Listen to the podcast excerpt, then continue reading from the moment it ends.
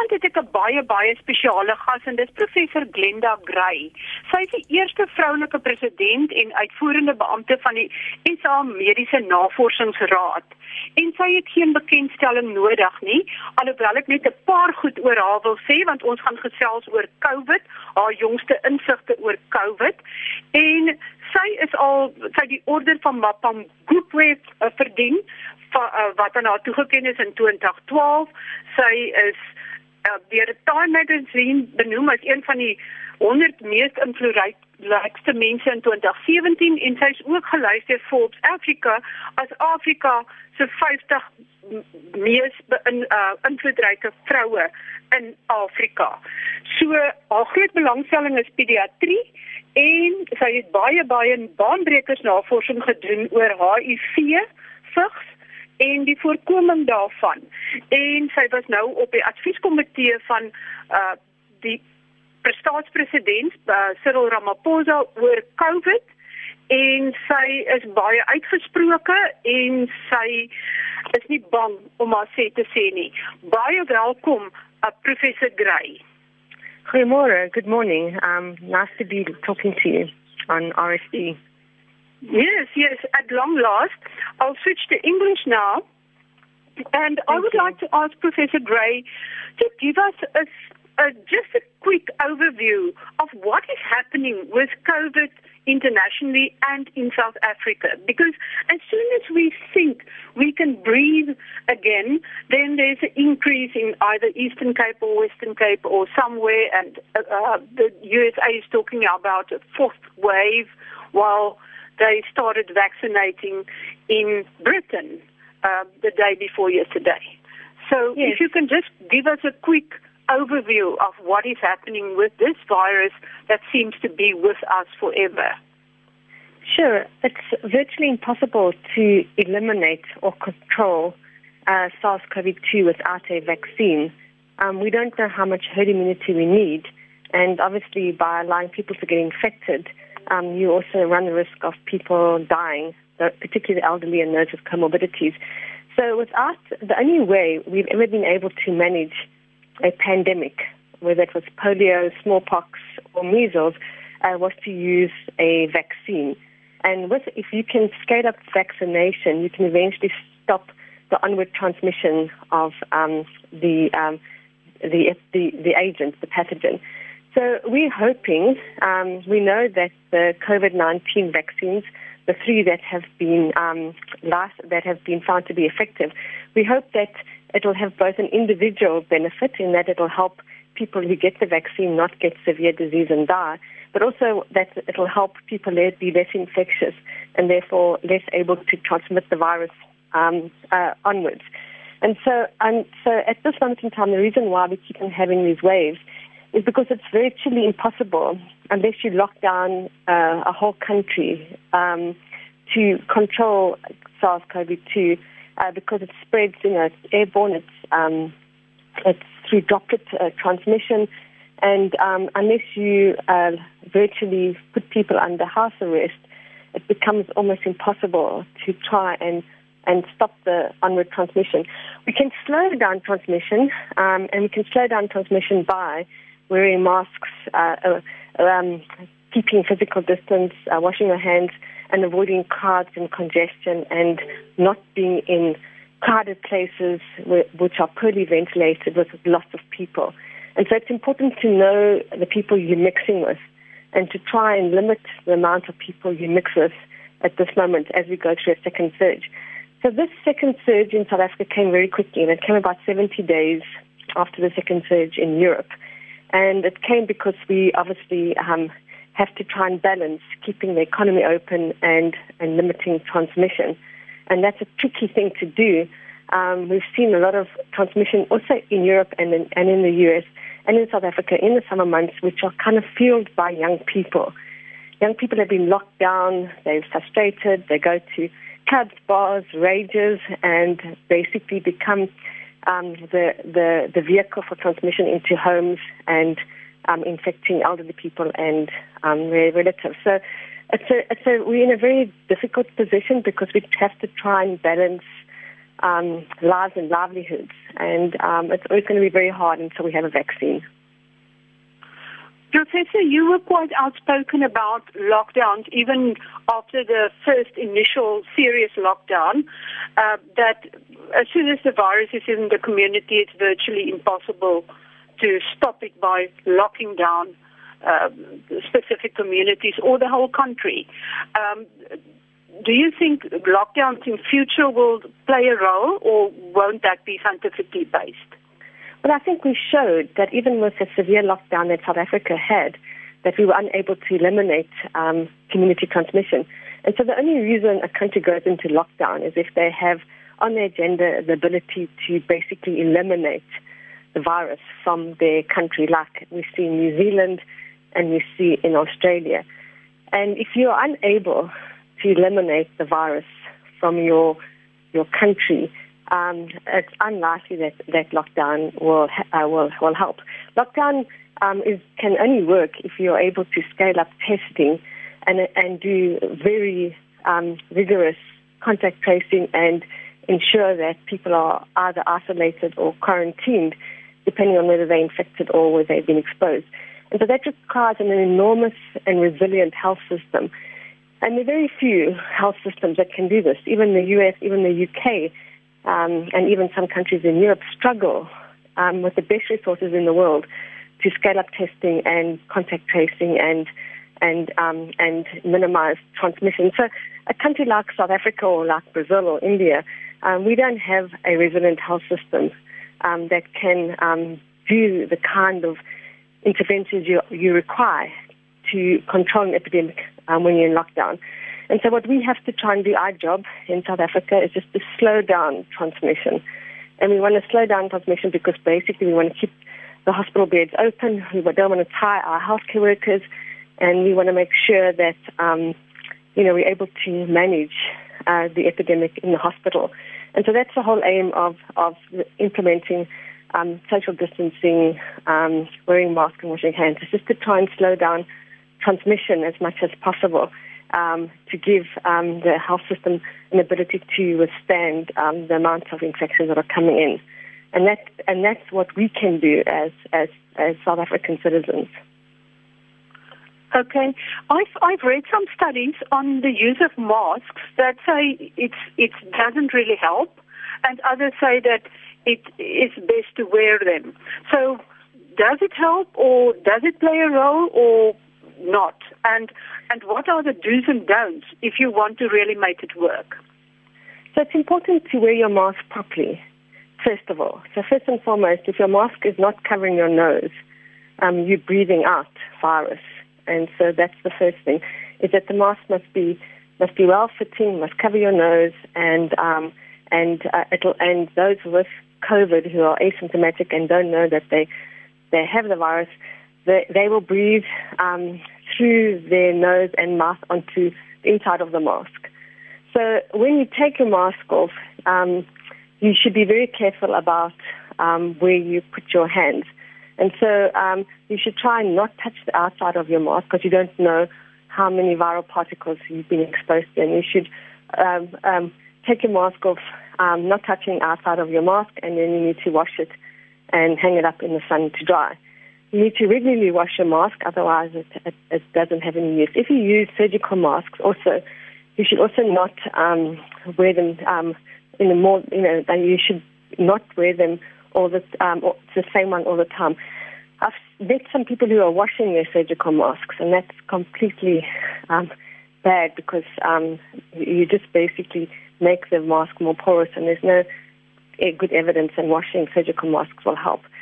So um, the mask, so the masks will help limit the onward transmission of the virus, and and it will help if we do it properly. If we touch the outside of our masks and rub our eyes, um, then it's not going to be as effective as if you are very strict about the way you wear your masks, just like the way we used to wear our masks in May. Um, and that's an important thing. So that'll help. So it's not going to eliminate transmission, but it's going to slow down. It's going to decrease the amount of viral particles um, people that we come into contact are exposed to. And we do know that there's a, there's a correlation to the, the amount of viral particles you're exposed to um, can determine how severe your disease is going to be. And so trying to limit your exposure and limit uh, the amount of virus you're exposed to will help you and will help others around you. Physical distancing is critical and ventilation is critical. And they, they all in combination are important to help um, prevent transmission. There's been a lot of studies um, that have been done in hospitals that have shown the benefits of masks in, for healthcare workers and over time. So we have seen data coming out of the of China and out of the US that showed that the change in exposure and infections in healthcare workers with mask wearing. Obviously, um, mask wearing is you need to have good masks, you have good surgical masks, and you also have to make sure that the N95 respirators you wear as a healthcare worker have, are well fitted and have been tested to make sure that they that they are um, they're not um, um, they are they're good enough and robust enough to protect you against SARS-CoV-2. Cloth masks um, are obviously not as effective as N95 respirators, but they are a good barrier um, to help um, the onward transmission of the virus. So you would say wear your mask over your nose. Don't touch your your mask with your hands especially not the outside of your mask, and and be careful and keep it as uh, clean as possible. And if your nose is itchy, slip your slip your hand um, under your mask to, to scratch your nose. Don't scratch your nose over your mask because that's just going to you're going to then be your hand's going to be if you have viral particles on your mask and you're touching your your mask your hand your nose through your mask. Um, uh, and then you scratch and you then you rub your eyes, you know, you may contaminate your eyes. So if your nose is itchy, just put your hand, slip your hand underneath your mask, and um, and and scratch your nose. We know in real life that the, the, right thing isn't always happening. But yes, um, um, yeah, sorry, carry on. Yes, um, uh, uh, people don't wear them, always don't wear their masks in the right way or handle it in the right way. Yes, we have to try our best to yeah. to wear the bar- to to use the barriers that we have that will protect us as, better, as good as possible, and that is also making sure that you social distance and making sure that you're always in open spaces and in well ventilated rooms. And so um, all these things um, are um, these are these are only things we have in our toolkit at the moment, and they may not be perfect, um, but they can help us um, slow down transmission. Um, I understand that Professor Barry Schoub said that they're currently reviewing all the data to select the correct uh, vaccine for South Africa. Do you have an idea or, or a preference of a specific one that will be best for South Africa? Well, obviously, um, one dose is better than two doses. So we would want a vaccine that was a single dose vaccine. However, if we if there, if a one dose was not good enough, we would have to go for a vaccine that was was two doses. Um, and that means you've got to keep people, um, make sure that they come back for their second dose. We also want to have vaccines that don't need extreme refrigeration because we have we have issues in rural areas and in most parts of our South Africa where electrification and having these minus 70 fridges are virtually impossible. So even a vaccine that can be stored either at room temperature or in a, a bar fridge, for instance. And you also have to have a vaccine that, that's easy to to administer. So you know, the the volume and the dose is important. And obviously, you want a vaccine that um, has the least side effects. So these are all important. But on top of it, you also want a vaccine that's affordable, uh, that the country can afford. And so the the three vaccines that have been found to be effective um, they they all are two dose vaccines, and um, one of them needs extreme refrigeration, which is the Pfizer one. The other one, the Moderna one, which we, we will never get in South Africa in the first part, um, which, you know, has has less uh, refrigeration considerations. And the one that seems most promising for low middle income countries at this moment in time is the AstraZeneca one, which is a two dose vaccine um, and um, requires um, is easier to handle in terms of refrigeration. We're busy evaluating a single dose vaccine, and we'll have those results um, at the end of January um, next year. And if obviously if that one works, then that is a, a good vaccine because you only need one dose instead of two doses. So um, we would have to evaluate. But if I was the government and if I was um, uh, Dr. Schoub, I would encourage um, the government at this stage to to to look at all the options and um, get as much vaccine as we can, irrespective of um, the refrigeration requirements. Because in some parts of the country you can do the minus 70, in other parts of the country you, you require uh, much less refrigeration and care. So the important thing for us is not which vaccine, it's vaccine. And, um, you know, and vaccine in the kind of volume that we can use that will help us um, protect elderly and healthcare workers and, and people with comorbidities from getting sick and dying. If we are fortunate, do you think we'll have a vaccine in South Africa before the end of next year? Well, we should have it. We should not ex- accept having a vaccine only there at the end of next year. Uh, we should be making sure that we have a vaccine in this country before winter. Um, there should be no reason why we can't use um, our ability to find a vaccine for this country before winter next year. Well, I hope I hope the right people are listening, and um, I just want to know. Uh, apparently, when we look at uh, natural deaths, uh, the stats of the natural deaths, the weekly reports, um, it shows that the natural deaths deaths as um, is higher than usual, or compared to the same period last year. Is that correct? And can we attribute this to the, directly to COVID or indirectly to COVID because maybe other services uh, were not sort of the clinics weren't attended as it should have been, measles vaccinations dropped, etc. So that's a good question. So first and foremost, I must say that any death during a pandemic is a tragedy. So that's the first thing. The second thing I want to say is that at a global level, all countries have struggled with trying to to determine how much of the excess deaths that we see um, in this period of time is due to COVID or related to other um, collateral deaths, as we call it. And so um, the South African Medical Research Council has been monitoring deaths uh, for over 30 years. And so we have a good idea uh, of what deaths we should be expecting um, each year and at what, what deaths should we be expecting at different parts of the year in winter versus summer. And so we have seen what we call excess deaths in South Africa, much more than it's been reported for the official death stats for COVID. And now that could be for, that could be related to two, three things. Okay, so first of all, maybe um, we're underreporting COVID deaths because people don't have a, a COVID um, test or the doctor, the person got to the hospital um, too late and so the doctor couldn't do a good um, history and so um, doesn't put COVID-19 on the death certificates. That could be one reason that we're underreporting it. Two, we also know that a lot of people are dying before they get to the hospital. And so sometimes it's very hard then to determine whether people died of COVID or not. And you have to do a lot of um, investigations. And um, nowadays, we, the minister does expect people who die before they get to the hospital to have a, a, a post-mortem swab in their nose to see whether they died of COVID. And then there are people that die from TB, HIV, and other illnesses because they're too scared to to go to the hospital during COVID, and that's what we call collateral deaths.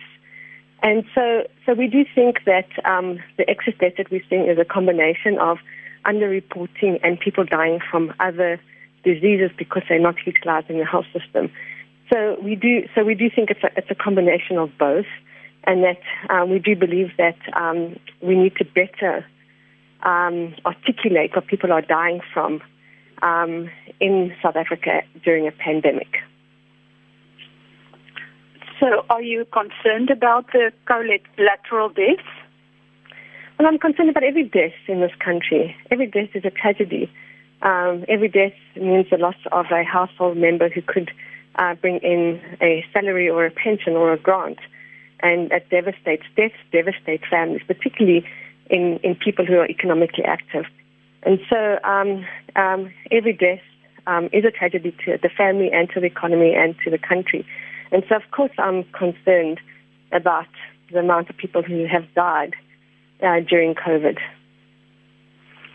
I understand that according to the latest stats from Eastern Cape, that uh, this, they might have reached their second peak, and it, it might sort of start to decline, or they hope they will, it will start declining soon. Um, is that sort of what you see as well? Yes, you know, so we do see some leveling off, which is great news for the Eastern Cape. Um, is that there is leveling off. We see that in the Western Cape, in um, in in Cape Town and in the Garden Route, we see cases that are increasing, and um, and we're seeing our hospitals starting to fill up. And so, um, obviously, we, we don't know when we will peak, and um, and we also see that there are there are signs of um, that in the Free State, um, the the deaths are leveling off, but in other parts of the country, there seems to be um, a resurgence. And so, this will happen um, this is not to be unexpected. This is going to happen until we are able to control transmission. And as I said before, uh, the only way we're going to be able to do this, in my opinion, is through a vaccine, um, because um, no one's ever been able to, just by uh, unless you have an extreme intervention, has been able to eliminate uh, a respiratory pathogen like this. Um, and we only see, as I've mentioned before, we only see this in places like uh, New Zealand and Australia, and even they don't know how long they can withstand this, how long they can do this for, and that's why they also want the vaccine because they want to um, make sure they can roll out the vaccine before um, the epidemic uh, gets out of hand in their countries. Professor Gray, I've never seen so many uh, fake news WhatsApps in my life uh, relating to any other condition than COVID.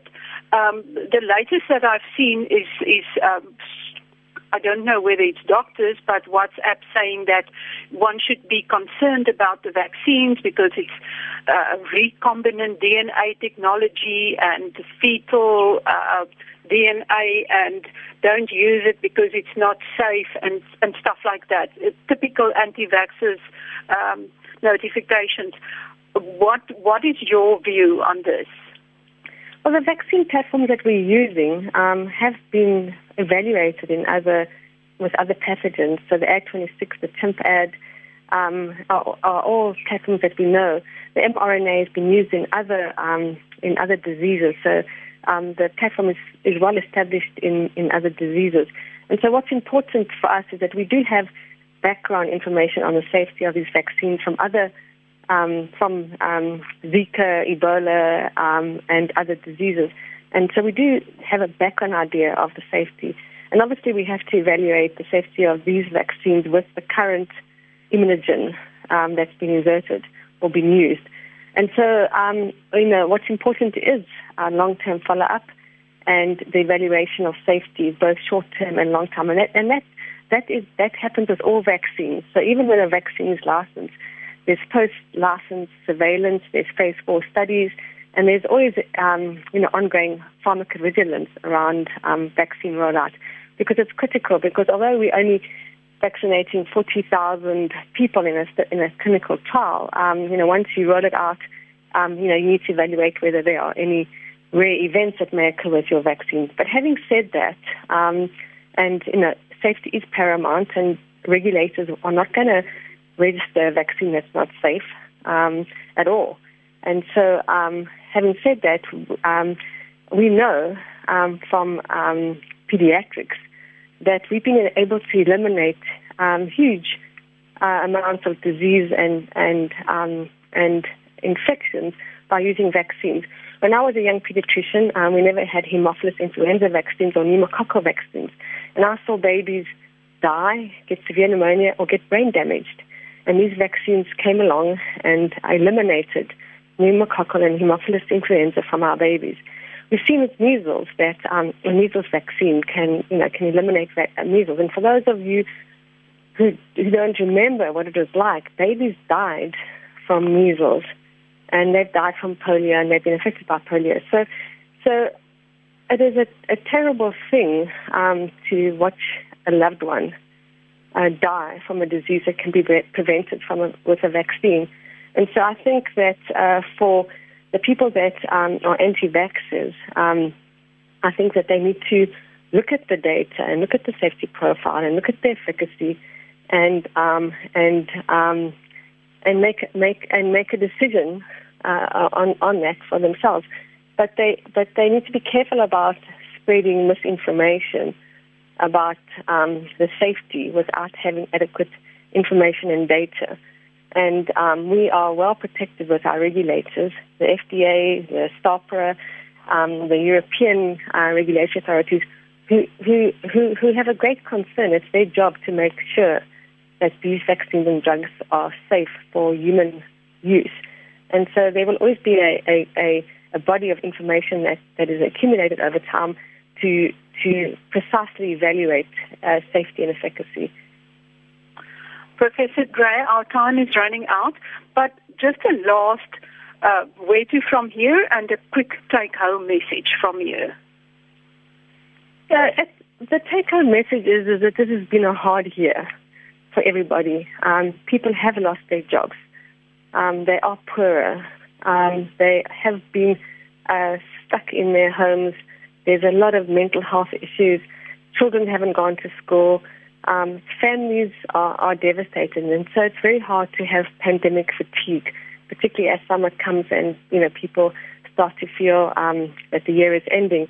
But at the same time, um, we've seen the surge starting in, in South Africa, and we saw the surge uh, also start in summer in other parts of the world.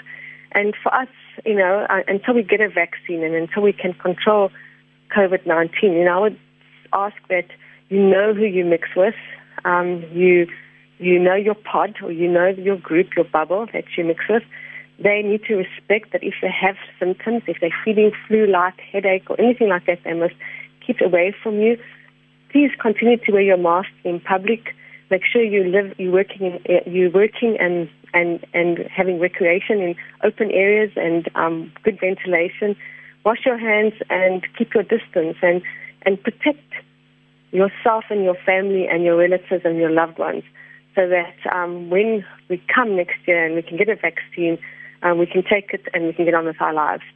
And so I have seen, I have lost um, friends, I've lost colleagues, um, I've lost work people who work with me and their families from COVID. I've seen the dev- devastation it has done to families, and I've seen the impact of the interventions that we've done devastate families. And so it's been a hard year. And, you know, just hang in there, continue to do um, what we know um, can help, and um, protect ourselves, our families, and our communities. Thank you so much, Professor Gray. My guest today uh, was Professor Glenda Gray, um, and I'm switching back to Afrikaans. Sy is president van die SA Mediese Navorsingsraad en sy het die nuutste insigte oor COVID met ons gedeel. Skakel volgende week weer in. Ek gesels dan met 'n psigiater en die fokus is op tiener selfmoord of tiener selfdood, want dit is 'n groot probleem en uh psigiaters en sielkundiges is baie bekommerd oor hierdie tendens. Tot volgende week dan. Groete van my, Marie Hudson.